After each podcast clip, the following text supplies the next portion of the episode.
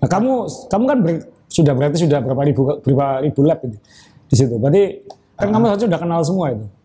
Saya justru hampir tidak kenal. Loh banyak fotonya kok ada yang nyandar di bahu sini, ada yang nyandar di bahu sini kayak gitu. Itu foto mana?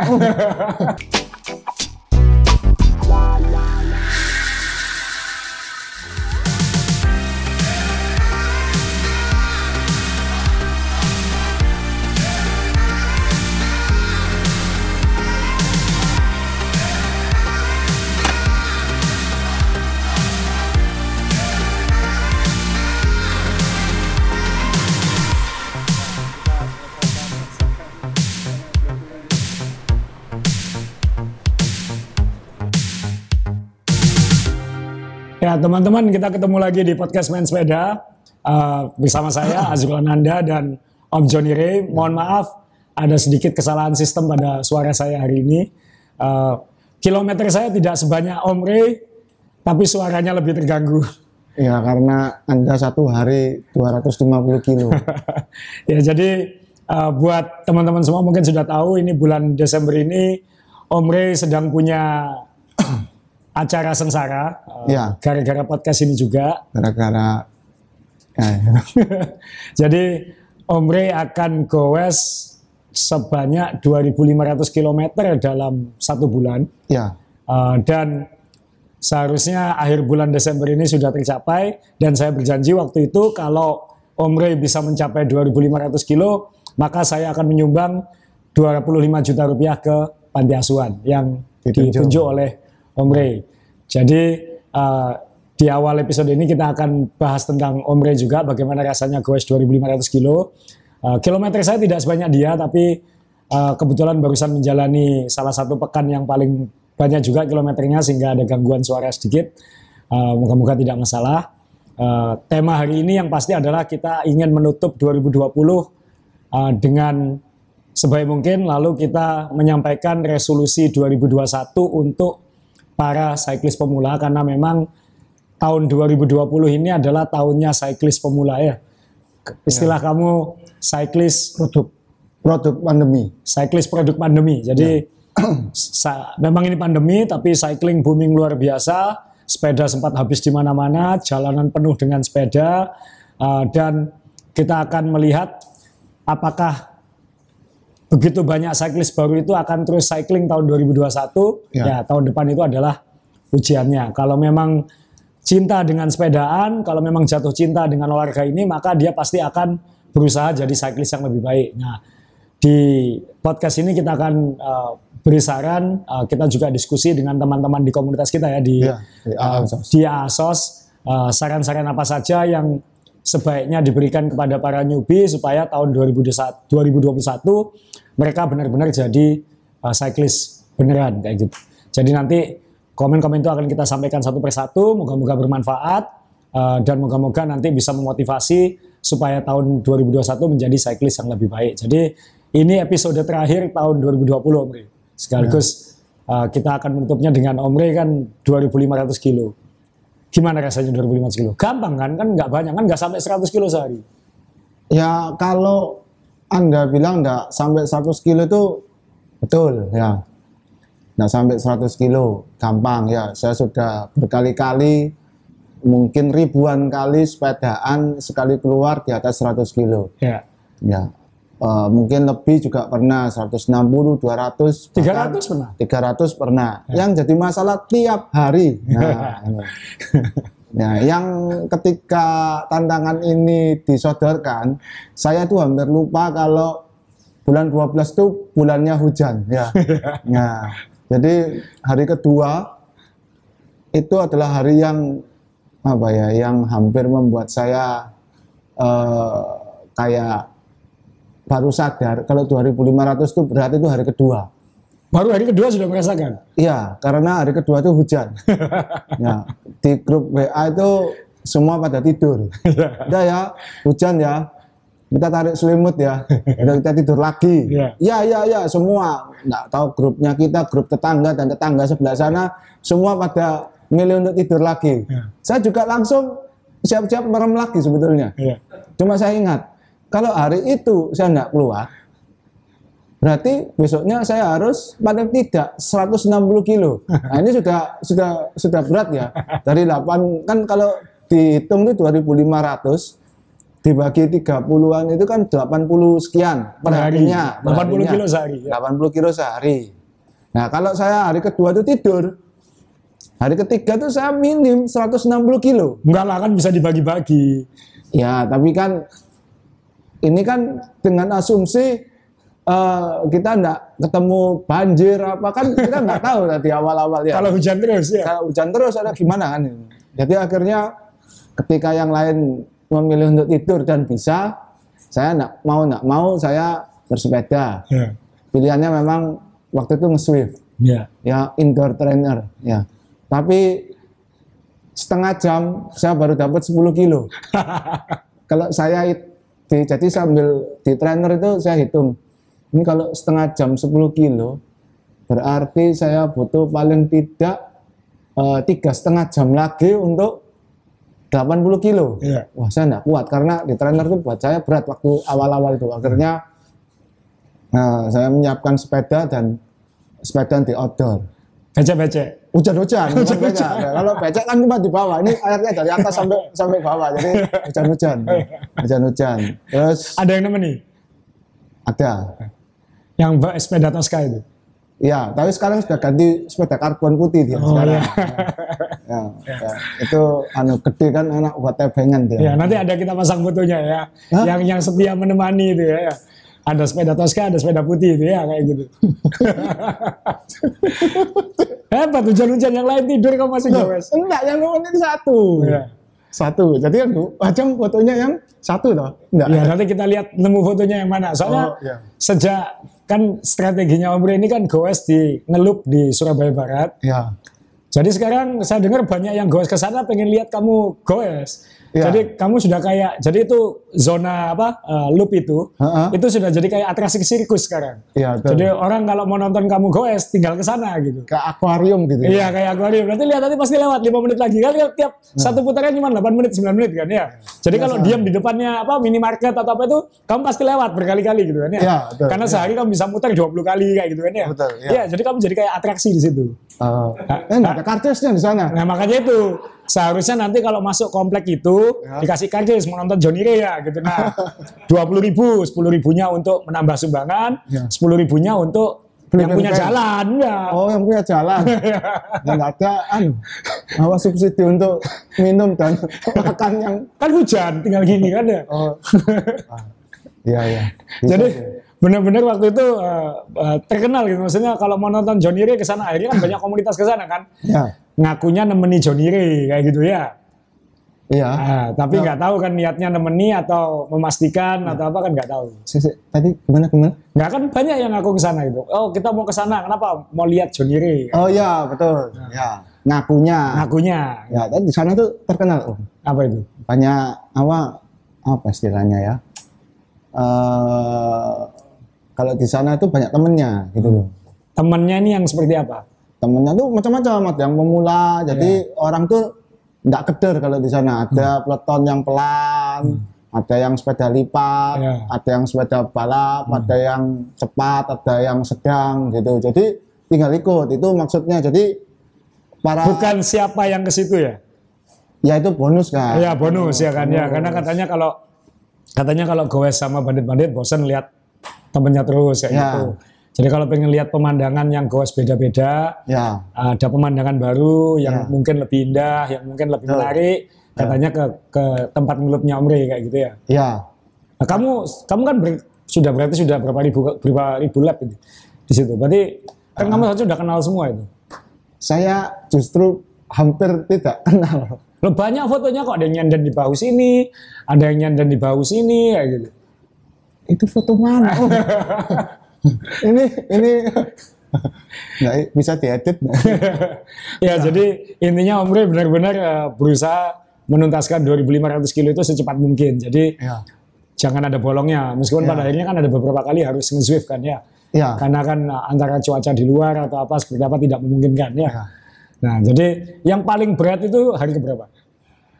Eh, paling berat itu hari sekitar satu minggu sampai 10 hari, 7 sampai hari ke 10. Kenapa? Ya capeknya sudah mulai numpuk. Hah. Kalau kita keluar kota kan pernah, Hmm. goes satu minggu full Ya. pernah, ya. Eh, lima hari pernah, satu minggu pernah. Jadi setelah tujuh hari, hari ke 8, 9, 10 ini yang berat. Karena kaki itu sudah sakit semua, pegel itu sudah tidak bisa ditunjuk. Ya. Ya, dulu kan bisa nunjuk, oh yang pegel mana? Oh ini paha bagian dalam dekatnya lutut, dan itu bisa. Oh, anu petisnya sakit, sekarang enggak. Jadi sampai leher, pundak, sikut, terus apa rusuk itu semua sudah sudah sakit semua. Soalnya posisi di sepeda itu sudah maju mundur miring gitu sudah gantian gitu loh. Terus yang katanya Abah Asril itu, Ya. Nah itu benar. Jadi kenapa waktu itu Abah Asul kan sangat eh, selektif waktu milih bib ya. Dia Iya. bilang eh, kalau goes itu sampai maaf pantatnya sakit, jadi eh, sam- eh, apa bantalan leher itu sampai ditaruh di sadel kan. Iya. Nah, itu juga saya rasakan. Jadi capek itu sudah eh, teralihkan, bukan bukan hanya capek kakinya seperti yang biasanya kita atau nafasnya atau laparnya, tapi yang paling utama itu ya di titik tumpu kita di satu itu. Karena kan gimana ya kalau di sofa itu kan kita bisa melorot gini ya, bisa bisa miring gitu. Kalau di sepeda ya kan tumpuannya ya cuman sadel segini itu ya. Jadi Kasihan adiknya ya, kegencet 2.500 kilo ya. Ya kan enggak lah, kan tengahnya bolong tuh. Cuman maksud maksudnya enggak anu spesial tengahnya bolong. ya itu memang fungsinya untuk tidak menekan jalur syaraf dan lain-lain gitu. Terus Tapi menyesal nggak goes 2.500 kilo?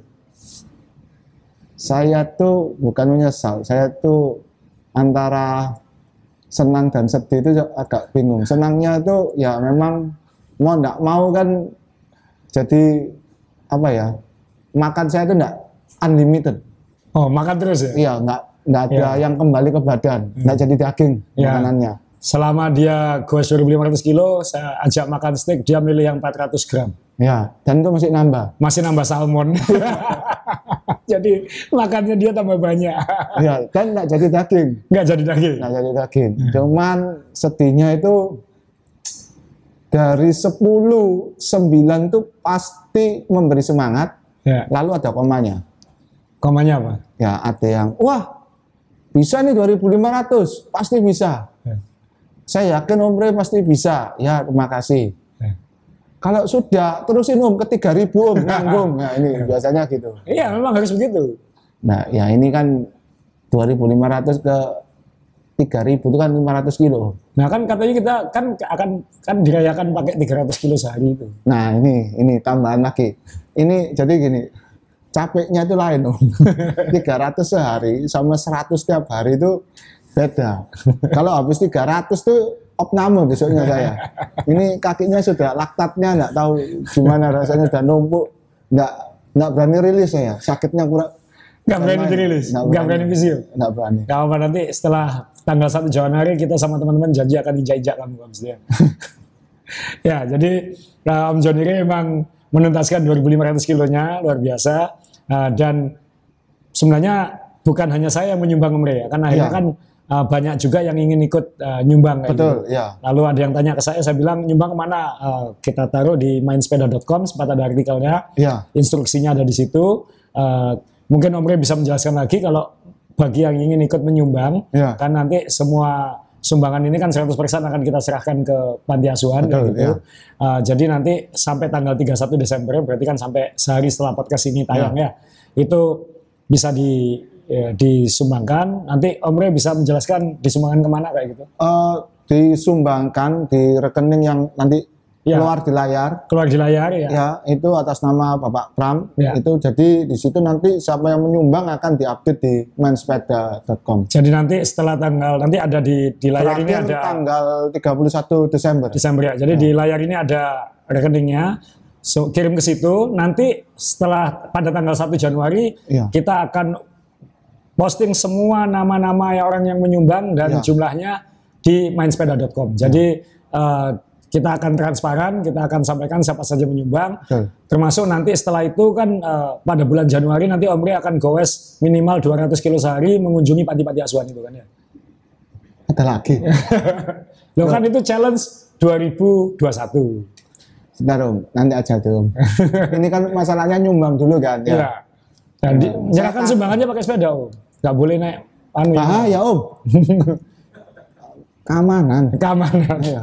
Apalagi masuk podcast gini. Iya. Saya keluar ngasih sumbangan, waduh dikejar orang. Nah kan tenang nanti, oke kalau gitu jangan pakai sepeda. Tadi kita kan masuk ke kafe ini pakai Scoopy kan ya. Iya. Scoopy paling baru ya. Iya. Sumbangannya taruh di dalamnya. Kamu yang keliling nyumbangin. Naik Scoopy itu. Iya, enak tuh Scoopy-nya tadi ya. Enak sih. Enak. Ya. Saya yang deg-degan. Kan kalau sepedaan berdua nggak pernah digonceng dia. Sekarang digonceng dia. Aduh. Tapi selalu aman, pakai helm ya. Iya. Pakai helm, pakai jaket, jadi aman, nggak kena angin dan lain-lain. Jadi eh, ya tadi mungkin yang melihat eh, kita masuk ke Wednesday Cafe ini mengendarai all new Honda Scoopy. Ya. Ini eh, kita terima kasih sekali lagi kepada MPM distributor Honda karena mensupport podcast kita ya Om ya. Ya. Jadi eh, eh, ini sudah beberapa kali mensupport podcast kita dan ini saya kira bermanfaat untuk semua cyclist. Eh, kita pernah membahas eh, PCX waktu itu ya kan, Ya. bagaimana itu bisa membantu eh, cyclist eh, goes ke mana-mana sebagai motor pengawal. Eh, dan Scoopy ini sebenarnya kalau buat saya pribadi agak spesial karena dulu tahun 2009 Scoopy yang pertama itu saya pemilik pertamanya. Oh. Saya pemilik pertamanya. Sampai sekarang motornya masih ada, masih kuat. Jadi waktunya ganti. Nah, Kok sepedaan Loh. motor gitu? motor kan kalau di rumah mau ke rumah uh, orang tua atau apa kan masih bisa kadang-kadang kalau jalanannya macet sebelum pandemi kan Ya. mending naik motor kadang-kadang kayak gitu lebih cepat. Jadi uh, di rumah saya adanya Honda Scoopy uh, dan saya senang ada Honda Scoopy yang baru. Uh, saya ingin membacakan juga ini uh, bagi yang berminat dengan all new Honda Scoopy ini kelihatan kan tadi unik kayak yang nyetir tadi sama lucunya dengan Omre fashionable, modern uh, dan ini motor matic jadi kita nggak perlu pindah gear. Ya. Uh, kemudian dengan fitur-fitur modern, misalnya tadi nyalakan mesinnya kan enak kan ya? Enak, langsung gini. Langsung aja, jadi Langsung menghidupkan nyala. mesin tanpa suara. Uh, kemudian teknologi frame-nya baru, jadi lebih ringan, lebih lincah, lebih nyaman dikendarai. Uh, ini yang luar biasa, ini lebih irit daripada Omre ini. Irit bahan bakar sampai 59 km per liter. Wih, Ini ya. murah ini daripada kamu. Maksudnya? Ya kamu makannya lebih mahal daripada bensin. Oh iya, Ya, itu. steaknya 400 gram, 80 kilo, ya kan ya? Iya sih. Ya kan pasti murahan BBM daripada steakmu kan ya kayak gitu. Iya. Jadi bahan bakarnya hanya 50 ah, bisa 59 kilo per liter. Lalu ada fitur terbarunya New Honda Smart Key System sama anti theft alarm. Ah, seandainya sepeda punya fitur seperti ini ya. Kan sepeda kalau dibawa lari lebih gampang kayak gitu. Iya. Kemudian ada LED projector headlight dan combine digital panel meter. Jadi tampilannya lebih lengkap. Nah, ini juga yang mungkin kalau memang digunakan untuk ngawal kita sepedaan ini juga menarik karena ada USB power charger di console box.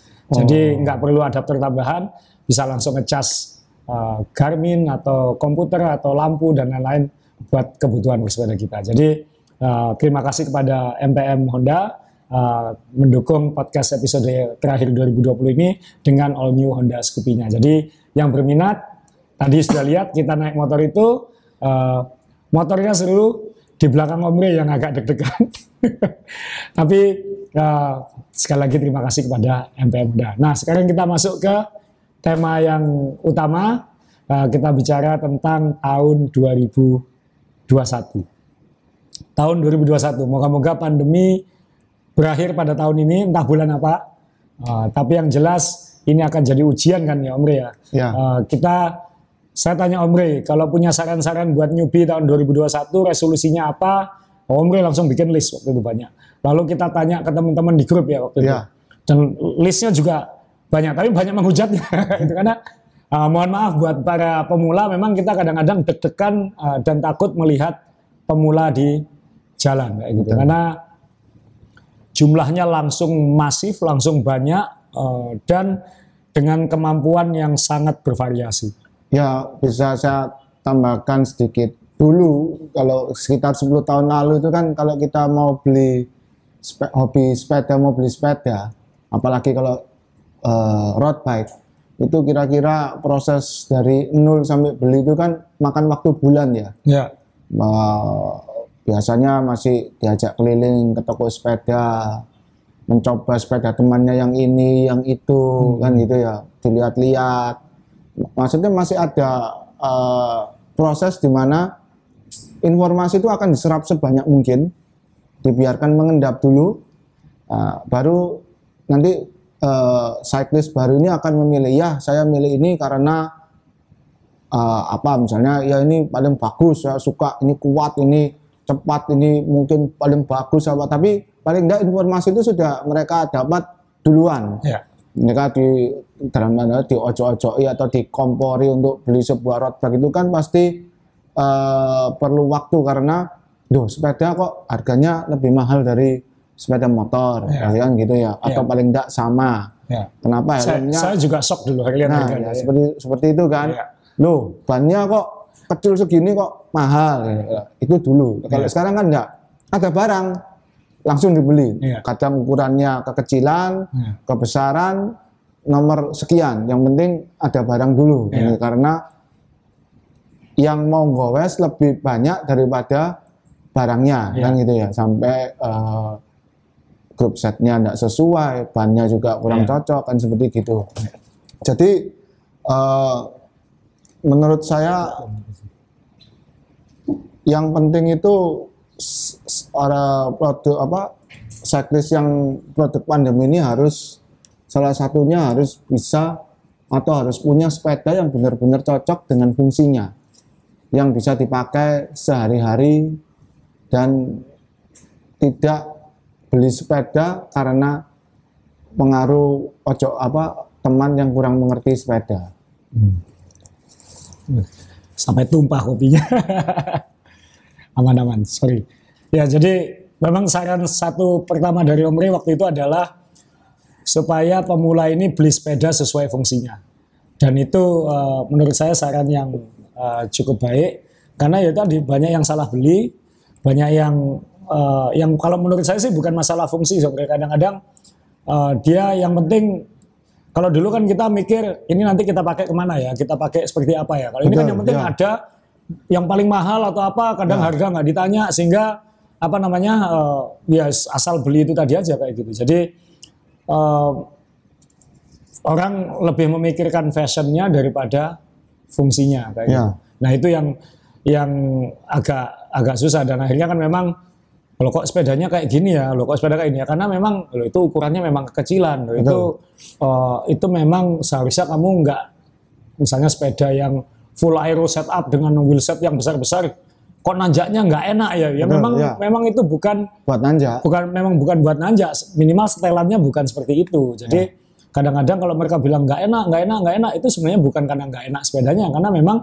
salah setting kayak gitu Betul. dan yang paling sering ya memang salah setting itu jadi kayak misalnya eh, ya salah setting dalam artian ukuran yang paling utama memang Ya. jadi ini orang tingginya lebih tinggi dari saya kok beli sepeda yang lebih kecil dari saya Betul. atau ini orang lebih kecil dari saya tapi sepedanya lebih besar dari saya Betul. jadi ya kalau memang nanti cyclist pemula yang sekarang ini sedang goes nanti pingin ingin lanjut goes ya ketik kan kalau ingin beli sepeda lagi ya mungkin sekarang lebih mikir ya tahun 2021 Ya. lebih lebih memilih lah jangan Ya, maksud saya itu yang saya maksud beli bukan beli dalam arti membuat budget baru untuk beli. Kan sepeda lamanya bisa dijual juga sebetulnya. Hmm. Maksud saya itu adalah punya sebuah sepeda yang fungsinya, ukurannya itu benar-benar sesuai untuk yang makai. Hmm. Karena percuma sepeda ini harganya misalnya satu mobil ya, tapi kalau dia ke- kebesaran. ya Nah, misalnya kita idealnya seperti gini, ini sampai lurus gini tangannya sampai doyong ke depan gini kan nggak ada gunanya. Walaupun sepeda ini mahal, tapi buat orang itu ya bagus kalau diparkir, kalau dipajang. Tapi kalau dipakai dia pasti sakit sekali karena apa? Karena tangannya terlalu ke depan, terus kepalanya terlalu nunduk gini karena terlalu panjang. Nah, itu kan jadi lebih baik kita beli sepeda yang sesuai untuk karena masih sering terjadi pembelian sepeda itu dipaksakan karena adanya ya ya cuman itu ukurannya itu ya dan kita pernah bahas di tema-tema yang penipuan itu ya. Iya. Jadi eh, dikira dia itu beli eh, Pinarello Dogma F12 gitu. Ternyata dia bawa pulang bawa F1Z atau apa. jadi jadi apa eh, bukan Bangsat. bukan yang bukan yang orisinal kayak gitu. Jadi harus harus hati-hati juga eh, buat pengguna dan kalau saya masuk ke yang berikutnya adalah biasanya cyclist. Ini yang saya tangkap dari banyak teman Om Ri. Ya. Eh, kan dia goes mulai goes tahun 2020. Mm, Dia seneng, seneng sekali. Ya. Tapi awalnya lebih seneng ke beli sepedanya. Jadi beli terus, aksesorinya beli terus, sadelnya diganti terus, wheelsetnya diganti terus, pengen ganti frame, inden ganti frame, eh, hampir tiap minggu nanya ke saya, ini bagus apa enggak, ini enak apa enggak, ini harganya cocok atau tidak, kayak gitu.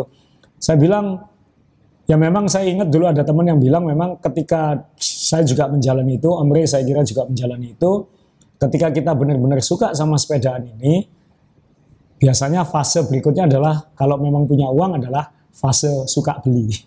Hmm. Jadi suka beli, suka beli, suka beli. Jadi uh, dan itu tidak ada yang salah kan karena Nggak. malah kita mungkin terima kasih karena itu mendukung industri sepeda Betul. lebih lebih maju kayak gitu. Tapi itu juga ada jebakan-jebakannya gitu kayak saya dulu juga sering salah beli kayak gitu. Ya. Uh, uh, eh, nafsu pengen beli, jadi sepeda yang pertama mungkin nggak sesuai, uh, sepeda berikutnya karena nafsu eh juga nggak sesuai lagi kayak gitu.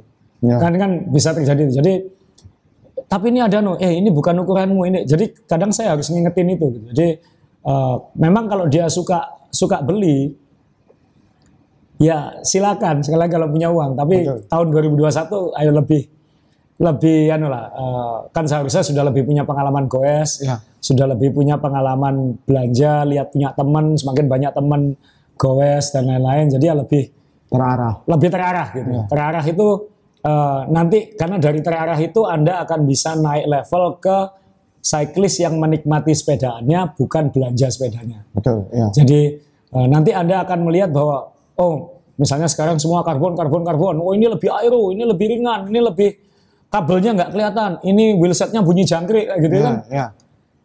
Mohon maaf kalau buat eh, yang senior seperti kita ini banyak yang dicari pemula ini kadang-kadang Senior ini sepedaannya loh ya. ya, bukan, ya, bukan umurnya. bukan ya, yang yang lebih yang sudah kenyang sepedaan seperti kita ini ini Ya.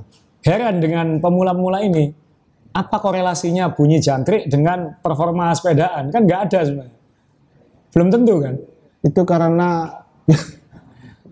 serius? Ada ada cyclist datang cari wheelset yang bunyinya jangkrik gitu. Padahal bunyi cangkrik itu yang krek. krek, kayak gitu. padahal punya saya saya cek punya saya yang paling yang saya anggap wheelset saya yang paling Ya. saya suka ya saya putar. Nggak ada bunyinya.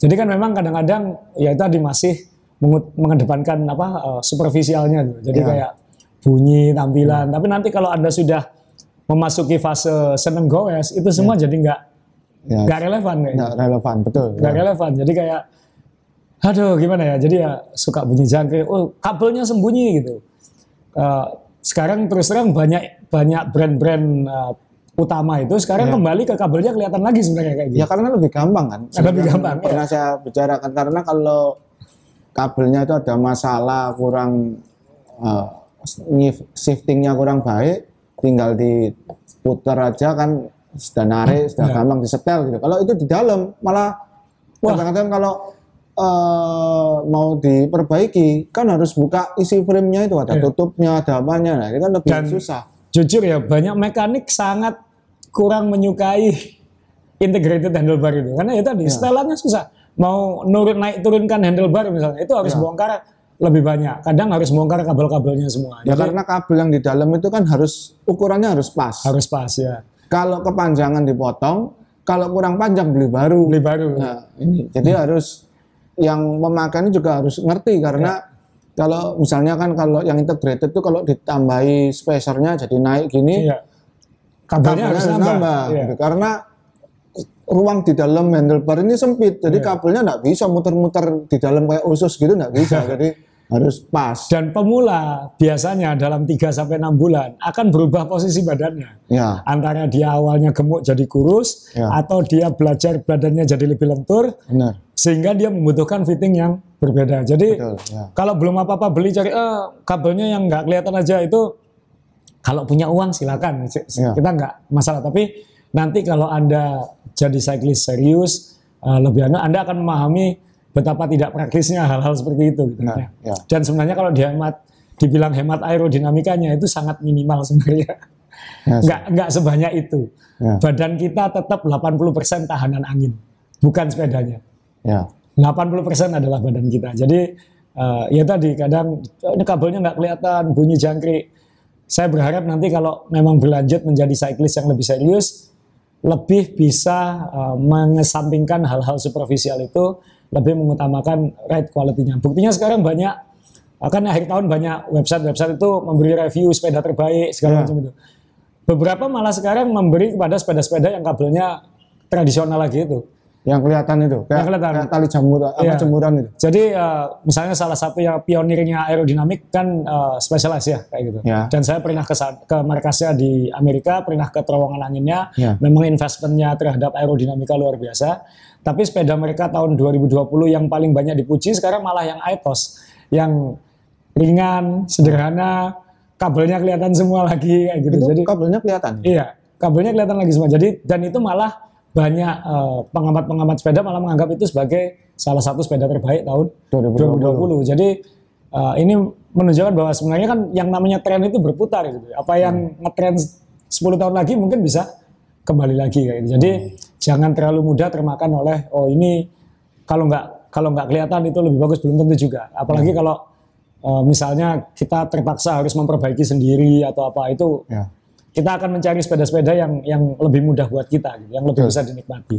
Jadi itu resolusi tahun 2021. Jadi beli sepeda yang uh, lebih sesuai dengan fungsi, beli sepeda yang uh, lebih bisa dinikmati, karena tujuan akhirnya kan ingin jadi cyclist kan, bukan Betul. bukan jadi bukan jadi ya kecuali pengen jadi kolektor sepeda yang bukan cyclist uh, lain lagi dan bukan jadi penumpuk sepeda lah kayak gitu. Mohon maaf, saya juga termasuk penumpuk sepeda, tapi saya goes semua kan kayak gitu. Om Ray juga termasuk penumpuk sepeda, tapi digoes semua kayak gitu. Oke, itu resolusi yang pertama soal beli sepeda. Yang kedua adalah ini dari dari Om Ray dan dari teman-teman di ASOS adalah tolong goes lebih aman di jalan. Ya. Ini ini mungkin kita harus ingatkan tiap episode ini bahwa kita selalu deg-degan melihat pemula di jalan itu. Itu banyak sekali eh, yang harus kita terus ingatkan dan mungkin teman-teman semua harus terus ingatkan. Misalnya yang paling sederhana yang harus selalu diingatkan adalah pakai helm. Ya. Itu itu Ya, kita masih aja. masih masih terus melihat eh, sepedanya harganya bisa ratusan juta Ya, tapi enggak pakai. nggak pakai helm kayak gitu. Jadi itu menurut saya ya ya memang kepala anda sih terserah tapi kan mungkin kepala anda kalau ada apa-apa kan itu berpengaruh ke ratusan orang atau ribuan orang atau minimal keluarganya sendiri kan kayak Ya, gitu. betul. Eh, jadi ya sekali lagi pakai helm. Jangan pakai earphone. Ini juga masih sangat sering. Eh, baru beberapa hari yang lalu ada motor eh, jalan tiga jalur, dia mencoba motong dari lajur kiri ke lajur kanan untuk putar balik.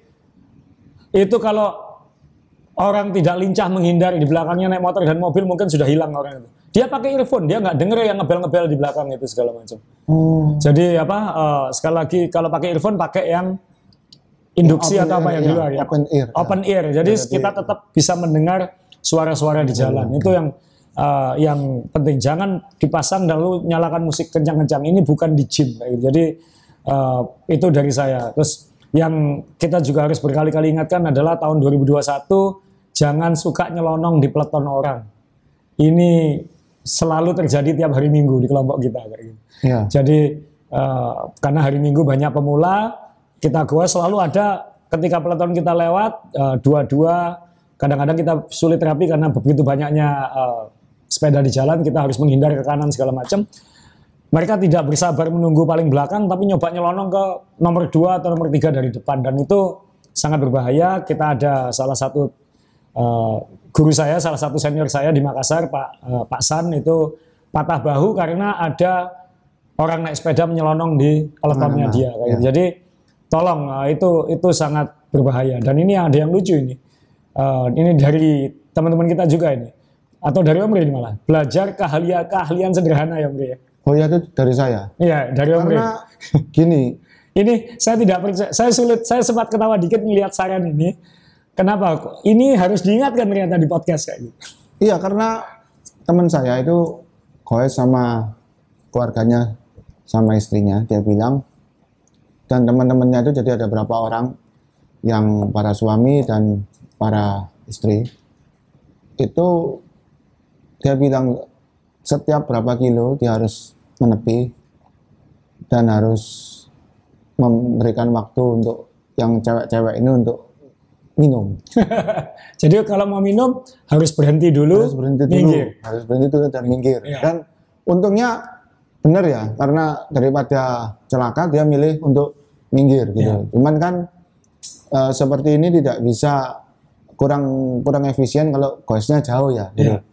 Saya tanya kena eh, dia menerangkan sendiri kalau yang cewek ini masih kurang apa masih kurang tegas kurang baik handlingnya jadi belum bisa minum di atas sepeda Nah, Ya jadi kan saya juga berpikir orang minum di atas sepeda ini harus diajari, harus harus diingatkan gitu. Saya juga nggak nggak nggak berpikir ke ke situ ya gitu. Kita dulu sebenarnya ya- sederhana banget ya, ya. ya gitu. Terus terus lain teman saya yang lain tuh bilang kalau dia tidak bisa makan di atas sepeda.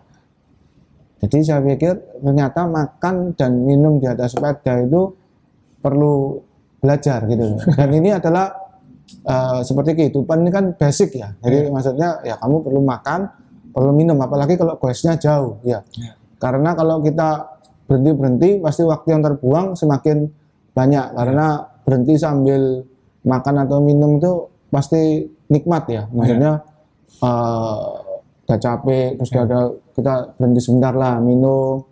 Minumnya rencananya 5 menit, nanti nambah jadi 10 jadi 15 menit sebetulnya 15 menit itu kalau dipakai buat ngoles kan mungkin sudah sampai di di tempatnya gitu Hmm. tapi ini kan kebuang karena berhenti untuk makan dan minum walaupun kecil ya Ya.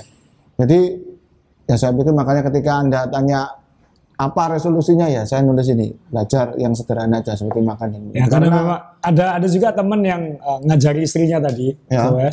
karena istrinya belum bisa ngambil bidon dan Hmm. minum, dia yang meminumkan begini. Jadi dia di sebelah istrinya lalu di, diminumkan kayak Oh. nyusui bayi gitu. Ya. Itu juga lucu sih. Itu itu juga terjadi. Tapi uh, ini juga ya mohon maaf ya kalau pengen jadi cyclist ya harus bisa minum di atas sepeda dan itu bikin lebih efisien. Kadang-kadang juga agak berbahaya ya. Kadang-kadang dia harus dia tiba-tiba minggir gitu kan untuk ngambil minum itu juga kadang-kadang juga bahaya kan. Karena Ya, nah, kalau minggirnya, minggirnya sih mereka tahu cara minggir yang benar tahu.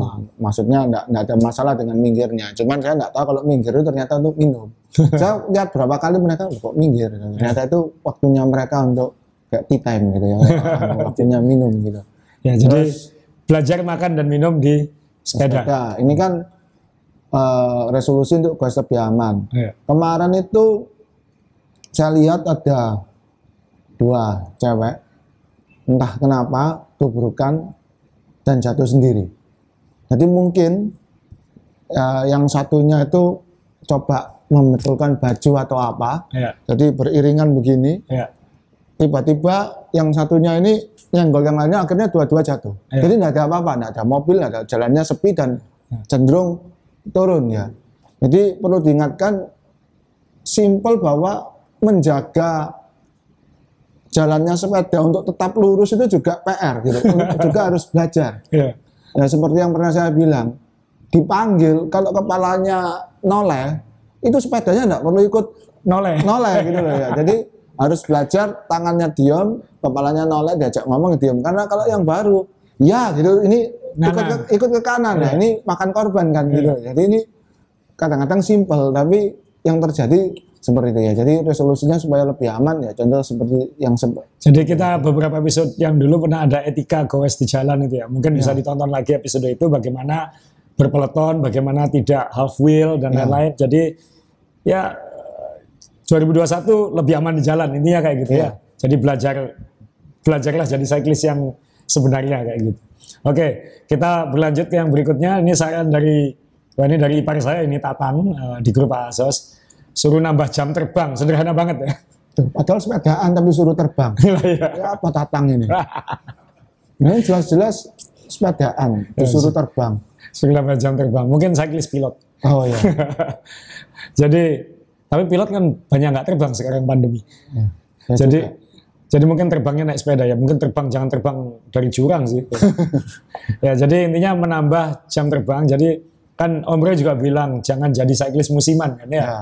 Jadi jangan, oh lo semuanya lagi sepedaan, kita ikut sepedaan. Nanti yang lain enggak, kita enggak. Meskipun saya percaya 80% cyclist produk pandemi akan berhenti sepedaan. 80 ya. Hanya 20% yang akan lanjut. Tapi 20%-nya kan banyak. Tetap banyak. Tetap ya. banyak. Gitu. Jadi Karena populasinya juga jauh lebih banyak dari dulu. ya. dari dulu. Jadi uh, uh, nah, bagi yang ingin benar-benar jadi cyclist ya jangan jadi cyclist musiman. Latihannya harus lebih rutin. Ya. Uh, mungkin bisa ikut komunitas. Ini nyambung ke tantangan tantangan-tantangan. Jadi dulu saya waktu pertama kali uh, goes kira-kira hampir 10 tahun yang lalu itu kan uh, tidak banyak teman kan saya pernah cerita di episode sebelumnya tidak banyak teman yang uh, bisa mengarahkan saya ke goes yang yang seperti sekarang ini gitu.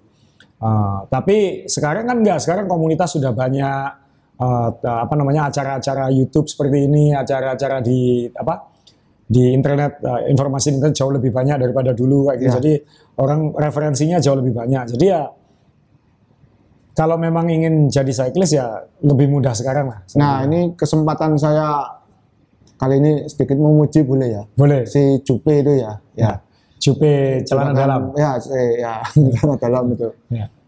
Waktu kita dulu 10 tahun lalu belajar, waktunya kan panjang untuk jadi dalam tanda kutip jadi bodoh itu kan panjang ya. Ya, bertahun-tahun. Ya, bertahun-tahun ya. Ya. Misalnya kita mau goes mau 100 kilo, mungkin 2-3 bulan baru berani mencoba 100 kilo. Mungkin lebih ya, mungkin setengah tahun dulu baru nyoba. Karena nggak ada temennya juga kan dulu. ada ya. Jadi 100 kilo itu dulu gila. Untuk ukuran dulu kan Ya. cukup gila ya. Karena goes itu ya 40 atau 50 kilo itu sudah jauh kan. Jauh ya. Jadi eh cyclist yang sekarang ini sudah sangat terarah bahwa jauh itu sebetulnya sehari bisa 100, bisa 200 itu ada. Jadi mereka mau mencoba goes yang proper atau goes yang benar itu gimana? Sudah banyak yang mencontohkan. Ada yang eh, kalau dari Surabaya Bromo PP Ya. atau yang eh, Jakarta Bali itu su- sudah sering dilakukan ya. Ya. Satu hari 200 kilo. Dulu nggak ada. Kita mau mencoba sesuatu yang 50 kilo aja itu Teman-teman sudah, ya. uh, Iya. Ngapain? Kenapa? Iya. Mobilmu dijual lah. Iya. Gitu kok kos gitu jauh gitu. Nggak punya Sa- mobil. gitu. Dulu ada juga gini yang bilang, kita ini goblok katanya. Kenapa?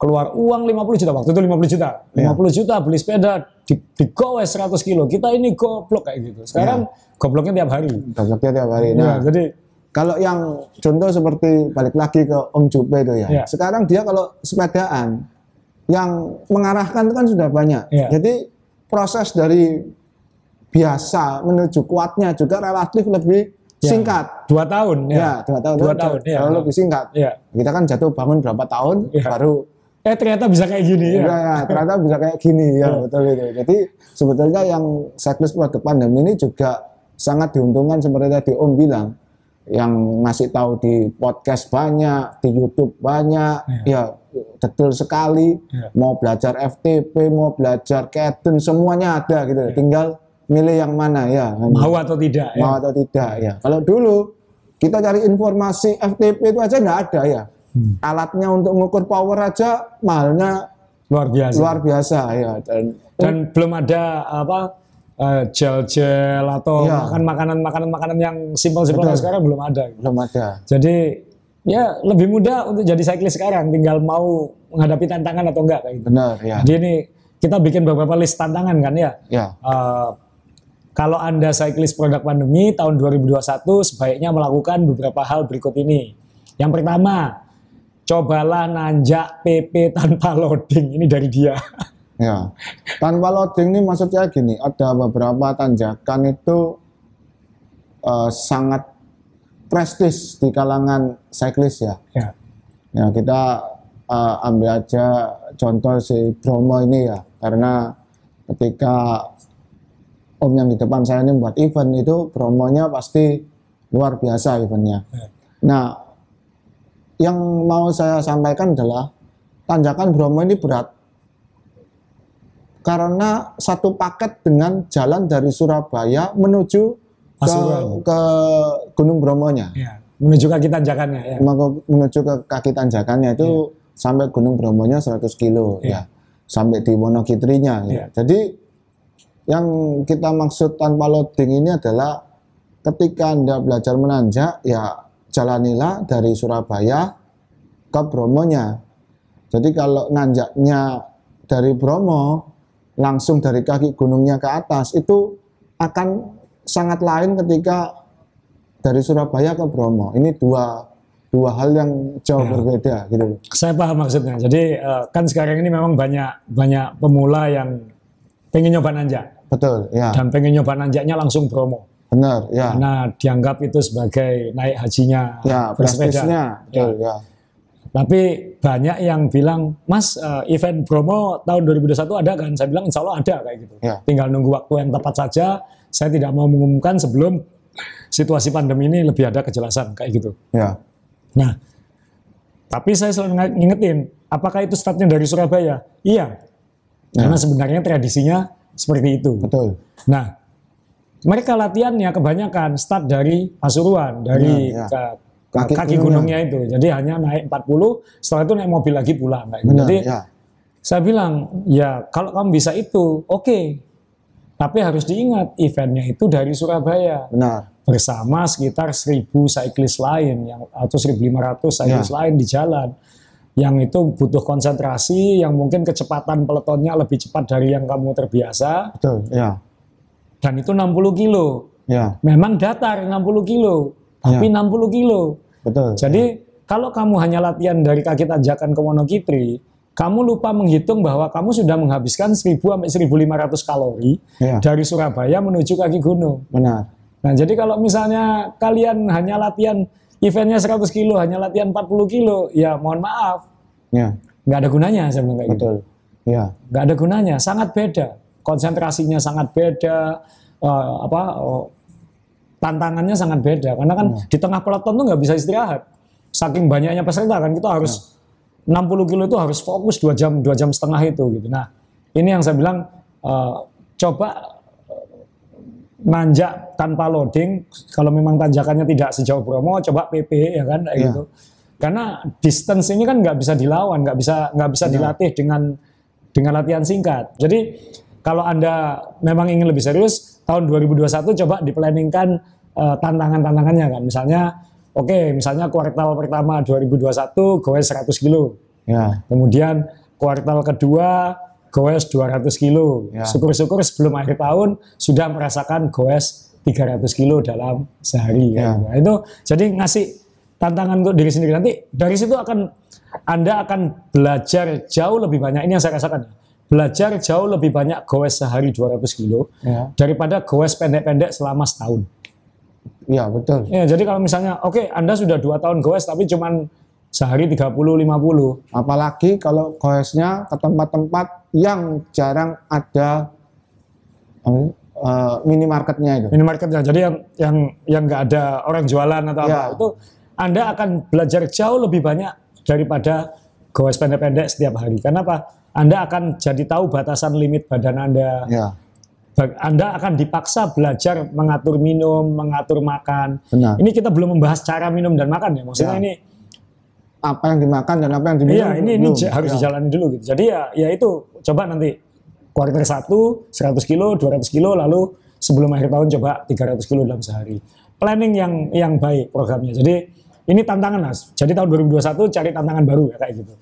Ikuti event-event. Moga-moga akan ada event-event lagi tahun 2021, event-event yang yang serius Uh, dan jangan hanya kejar medali di event-event. Maksudnya tuntaskan event itu secara proper. Nanti kita akan bahas soal kejujuran di akhir, mungkin yang agak panjang. Kemudian ada lagi tantangan lainnya adalah PR kan ya. Ya, Kalau kita nanjak misalnya bisa 30 menit, coba apakah bisa lebih cepat sampai kira-kira batas kemampuan seperti apa. Tiap orang beda-beda. Saya saya sekarang mungkin sudah sulit secepat lima tahun yang lalu kayak gitu.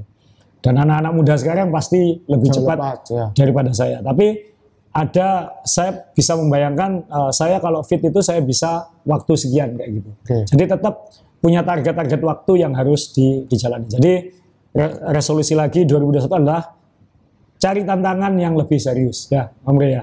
Yang berikutnya ini yang terakhir dan ini uh, salah saya ini ini mungkin keluhan ini teman kita dokter beranak ini dokter Ahmad Mahendra Ya. ya kan ini uh, dia ngasih uh, waktu kita tanya di grup saran apa untuk uh, pemula tahun resolusi tahun 2021 dia jawabannya gini tolong hormati pejuang Strava kalau tidak kuat berhentilah dan tekan finish Nah, saya sempat bingung teman-teman ini maksudnya apa gitu saya juga waktu membaca di grup Iya. itu saya juga agak bingung. ternyata ini kaitannya dengan kejujuran Oh. Jadi memang hormatilah orang-orang yang mengejar waktu di Strava itu. Kalau Anda nggak kuat, sepedanya dinaikkan mobil, matikan dulu Garminnya.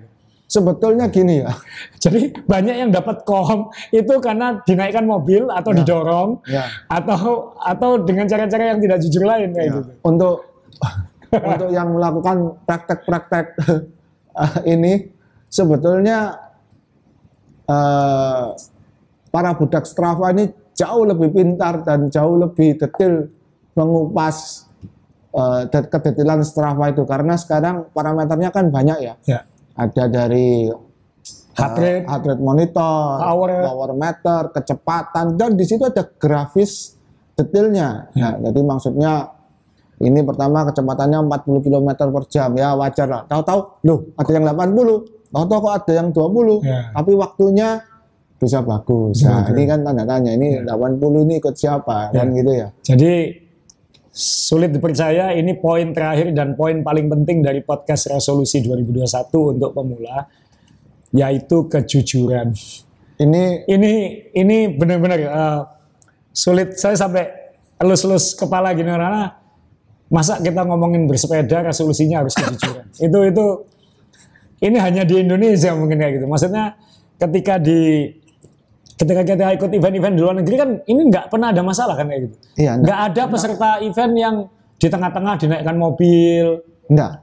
atau misalnya ban pecah minta didorong kan nggak ada semua dan- memperbaiki sendiri Dan saya sampaikan ya, in, eh, mungkin menurut kalian yang di Indonesia, luar negeri itu aduhai dan penuh dengan fasilitas. Tidak jauh-jauh. Lebih soro di sana. Karena, ya mohon maaf, di sana itu airnya aja nunggu air gunung yang keluar, jadi ada sumber-sumber airnya. Nggak ada minimarket di mana-mana, Iya. minim sekali. Terus kalau banyak gembos ya ya sudah nasib ya. Nah, Kalau anu sendiri. Ya anu itu atau gini sampai ada orang lewat dan Iya. di sana tidak banyak orang lewat. gitu ya. Jadi eh, di Indonesia ini jauh lebih Convenient. lebih convenient ya. Iya, convenient karena minimarket di mana-mana, warung di mana-mana, ojek di mana-mana, Anda nyetop orang gini minta tolong ke sana, tolong bawakan masih ada. masih ada. Di sana itu Mandiri. mandiri nggak ada orangnya. Iya. Mau minta tolong sama siapa? Kambing yang nggak bisa diajak ngomong. Jadi ya itu itu yang kita maksud di atas tadi di, di daftar resolusi sebelumnya adalah supaya kita ini benar-benar kalau jadi cyclist sejati ya memang kita merasakan susah enaknya jadi cyclist ini kan. Ya. Jadi banyak keluhan eh, memang masalah kejujuran ini eh, saya sampai bikin beberapa list ini. Eh, misalnya tadi yang kita bahas soal Strava ya, cari Ya. kom waktu atau waktu yang baik di Strava. Ya menggunakan segala cara itu tadi. Eh, kita barusan di grup kita kan bahas ada orang ini di eh, komunitas kota tetangga kita itu. Oh, dia ngerebut waktu tercepat eh, Iya. dari teman-teman kita kayak gitu. Tapi dianalisis sama teman-teman, kok bisa ya kemiringannya 7%, kecepatannya 72 km per jam. Jadi memang dia itu berusaha, eh, entah itu naik motor atau didorong atau apa, tapi ketika finish waktunya tidak jauh beda. oke ya. Jadi dihitung supaya tidak terlalu ketara gitu kan. Kalau dia naik motor terus akan ketara Ya, waktunya ya. jauh. Jadi dia memastikan waktunya tuh tidak cukup beda dengan kom yang beneran kayak gitu. Oke. Supaya dikira jujur. Tapi kan dan lucunya dia tidak langganan bayar Strava-nya itu. Hmm. Jadi dia tidak bisa menganalisis. Teman-teman kita kan bayar semua per bulan. Jadi Ya, kita bisa karena- menganalisis datanya. Jadi ketahuan. Kenapa teman-teman kita kok pada bayar Strava? Om? Ayo, tahu nggak? Kenapa? Karena mereka tidak ingin Strava bangkrut. Karena pencapaian mereka tertulis di Strava. di Strava. Kalau ya. Strava bangkrut hilang semua ya. semua data-data perolehan kom, peringkat semua hilang. Jadi Dan sebagai informasi, Strava sampai hari ini belum profitable, jadi masih mengandalkan pinjaman-pinjaman dan pinjaman. Jadi Ya. Uh, Anda bisa Google sendiri berita-beritanya. Jadi memang kesulitan kayaknya masa depannya, tapi moga-moga Strava bisa lanjut terus lah, Ya. supaya rekor kita tercatat kan ya. kalau Kalau enggak- dia kalau bangkrut sebelum akhir tahun kan 2.500 kilomu nggak terbukti nanti kan. oh iya itu juga, itu juga, itu juga.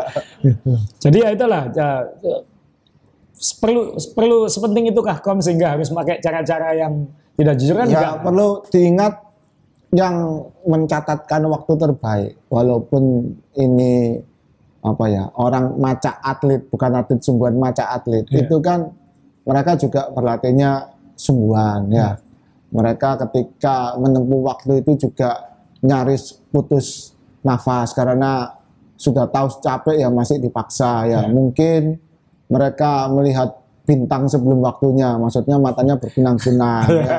kadang mereka melihat malam sebelum waktunya karena sampai di tempat finish tahu-tahu matanya gelap karena Iya. terlalu memaksa Iya. ya jadi ya kita minta tolong ya menghargai karena menorehkan waktu walaupun itu cuma lebih baik 5 detik, 10 detik dari temannya itu perjuangan mereka itu Luar biasa. luar biasa dan belum tentu bisa diulang kan Iya. itu ya.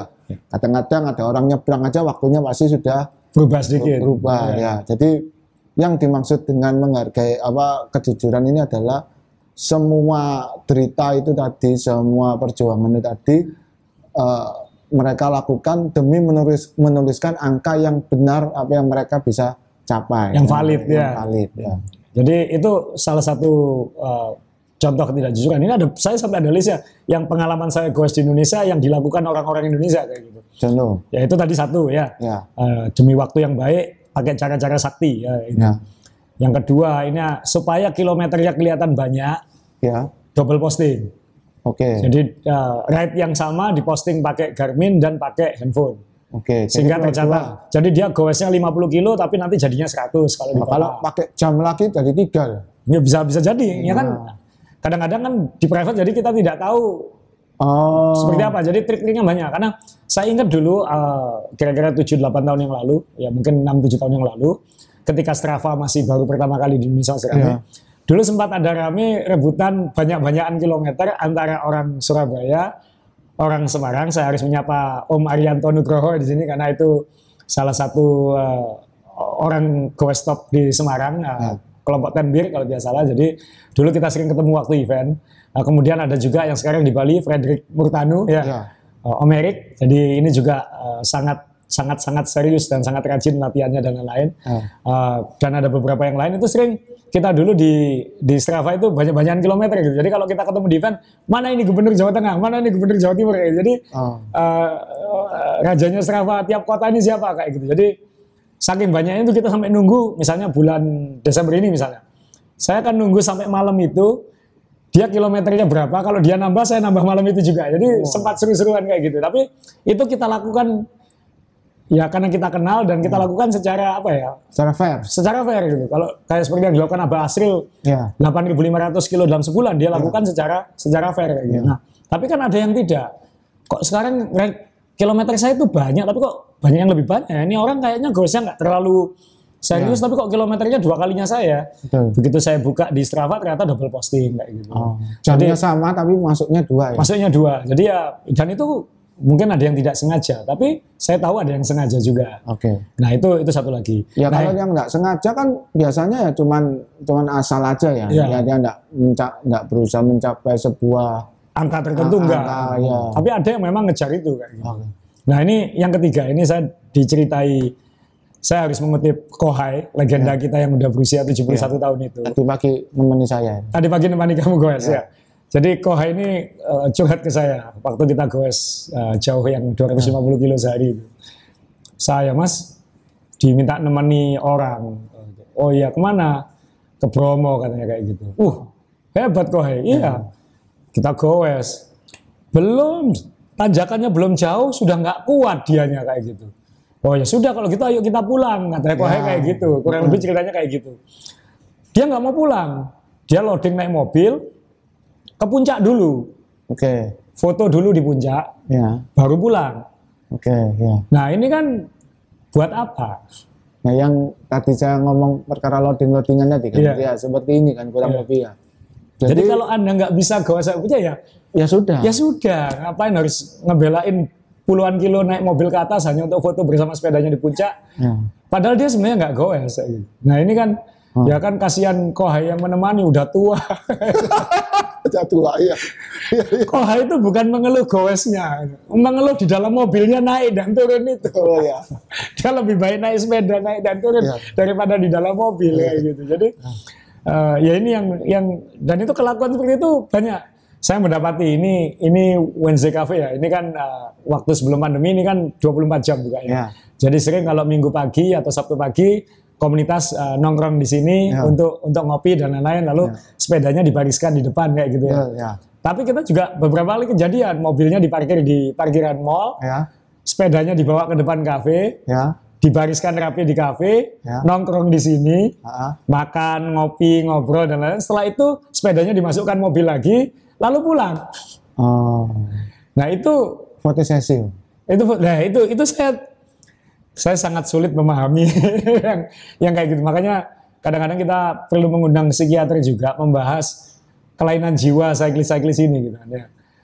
Kan mungkin nanti eh, bisa dibahas juga yang kan banyak yang maaf yang lebih banyak fotonya daripada apa daripada goesnya kayak gitu. Ini ini kan Karena eh, di foto itu ya ini orang itu kan mengenali kita bersepeda apa enggak kan lebih gampang lewat foto ya. eh, Nah, foto di Bromo, foto di Surya, foto di Puncak, di mana kan lewat lewat foto. eh, Nah, nggak mungkin kita kasih ta- kita keterangan yang saya dari Surabaya goes 50 kilo di ketinggian gunung 700 meter terlalu terlalu panjang gitu loh. Walaupun kita ngerti maksudnya, oh ini kira-kira Surya ini, tapi kan mungkin paling gampang foto. Tapi orang umum itu kan nggak tahu ya kita tuh sebetulnya sudah sepedaan betul apa enggak.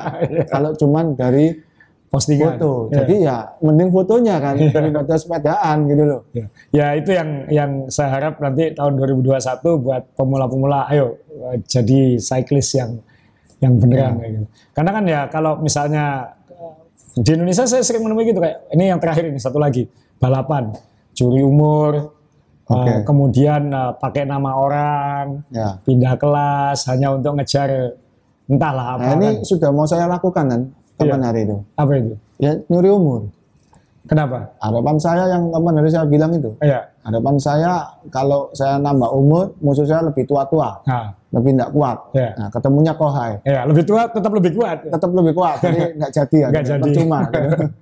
Jadi ya anu lah eh, hormat ini cycling itu kan eh, menurut saya sangat personal. Jadi Ya. eh, goes itu kan kalau nanjak kan saya nggak pernah sebelahan sama kamu. Saya sendirian di tengah-tengah Ya. sudah ditinggal banyak teman, tapi juga meninggalkan kamu di, di belakang kan. Ya. Jadi kita sebenarnya berbicara dengan diri kita sendiri kan ya. Ya. Jadi ya antara saya dan yang di atas, saya tahu saya mencoba semaksimal atau tidak kan yang tahu saya dan Yang dia. yang di atas. Jadi eh, tapi di Strava nanti ada hasilnya, ada rekamannya. Betul, gitu. Nah, jadi ya minimal, ayo kita ikuti saran Dokter Ahmad Mahendra ini, dokter beranak ini, yang lagi kilometernya lagi bersaing dengan Om Ray di bulan Desember. Kemudian eh, dia bilang hormati pejuang Strava. Ya garis miring budak Strava ya. Ke garis miring budak Strava. Jadi kalau tidak kuat berhentilah dan tekan finish. Jadi jangan jangan mencari hasil yang tidak jujur kira-kira kayak Ya. gitu. Jadi ya sulit Ya. dipercaya resolusi untuk cyclist tahun 2021 adalah kejujuran. Itu masa kita semua sudah sudah lama nggak sekolah, maksudnya selama lulus kuliah kan maksudnya kayak gitu, atau lama sudah meninggalkan dunia. Nah, sebetulnya gini, eh, yang mau saya catat ini kan cuman bersepeda ya. Jadi Iya. sebetulnya Iya mau cari apa sih? mau cari apa gitu. ya. Toh juga kalau ter- keterlaluan juga kelihatan. Contoh gini, ketika di deretan kom Ya. ju- juaranya itu kan kelihatan. Misalnya hebat-hebat ini ya. misalnya segmennya itu pendek gitu Iya. ya. Yang juaranya itu misalnya satu menit 14 detik, Iya. satunya satu menit 11 detik, satu menit eh, 15 itu. Urutannya beda-beda detik-detik karena segmennya pendek. Ya. Yang satunya 30 detik. Yang juara nomor satunya 30 detik. Nomor pasti duanya, ketahuan, nah ini kan sudah ini 30 detik ini ya Pak gimana gimana caranya 30 detik ya ketika yang dua sampai anunya ini eh, waktunya itu sangat mepet-mepet gitu ya Pak. Dan itu sampai ngiler-ngiler sampai segala keringat keluar untuk Ya. mendapatkannya. Jadi Ini kalau segmennya lurus gitu kan kencangnya kan sudah dari jauh. Jadi waktu lewat segmennya wes terus finish wes gitu lagi Iya. ya. Jadi yang dihitung ya pas yang segmennya itu kan dalam kondisi benar-benar cepat ya. Jadi Iya. kalau startnya pas di segmen ya pasti lebih pelan. lebih pelan. Jadi gitu. Jadi ya buat apa kan? Jadi ya kejujuran ikuti event dengan dengan jujur. Yang nonton video-video rekaman Bromo mungkin banyak melihat yang didorong-dorong dan lain-lain. Ya. Udahlah, maksudnya buat ya apa sih? Sepanjang ya kalau event ya menurut saya kalau didorong ya terserah lah. Tapi nggak usah terlalu di expose gitu. Maksudnya ya kalau finish ya sudah finish gitu ya. Jadi kan rapotnya ini kayak dulu itu waktu zaman saya ke Bromo itu kita dari Surabaya. Yang waktu dulu kan masih jarang yang finish. Benar-benar jarang yang Benar-benar finish. cari Indonesia, nggak Ya. sampai 40 persen ya. Ya, itu berapa kilo sebelum finish itu sudah jadi kebanggaan. Oh, saya ini saya ingat dulu pertama kali nggak bisa finish tuh kurang 8 kilo. Ya. Kalau cerita ke orang luar, saya cerita, saya nggak finish 8 kilo. Katanya orang luar, oh 8 kilo ini dekat. Mestinya nggak apa-apa lah. Padahal kalau kita tahu di Bromo 8 kilo itu jauh sekali dari ujungnya kan. gitu ya. Itu bisa satu jam setengah ya. Ya, jadi Ya. itu pun kalau kuat kan gitu ya. Saya kan ben- bensinnya campur, campur Iya. jalan waktu itu Iya. ya. Hmm, sudah campur jalan aja masih 8 kilo gitu.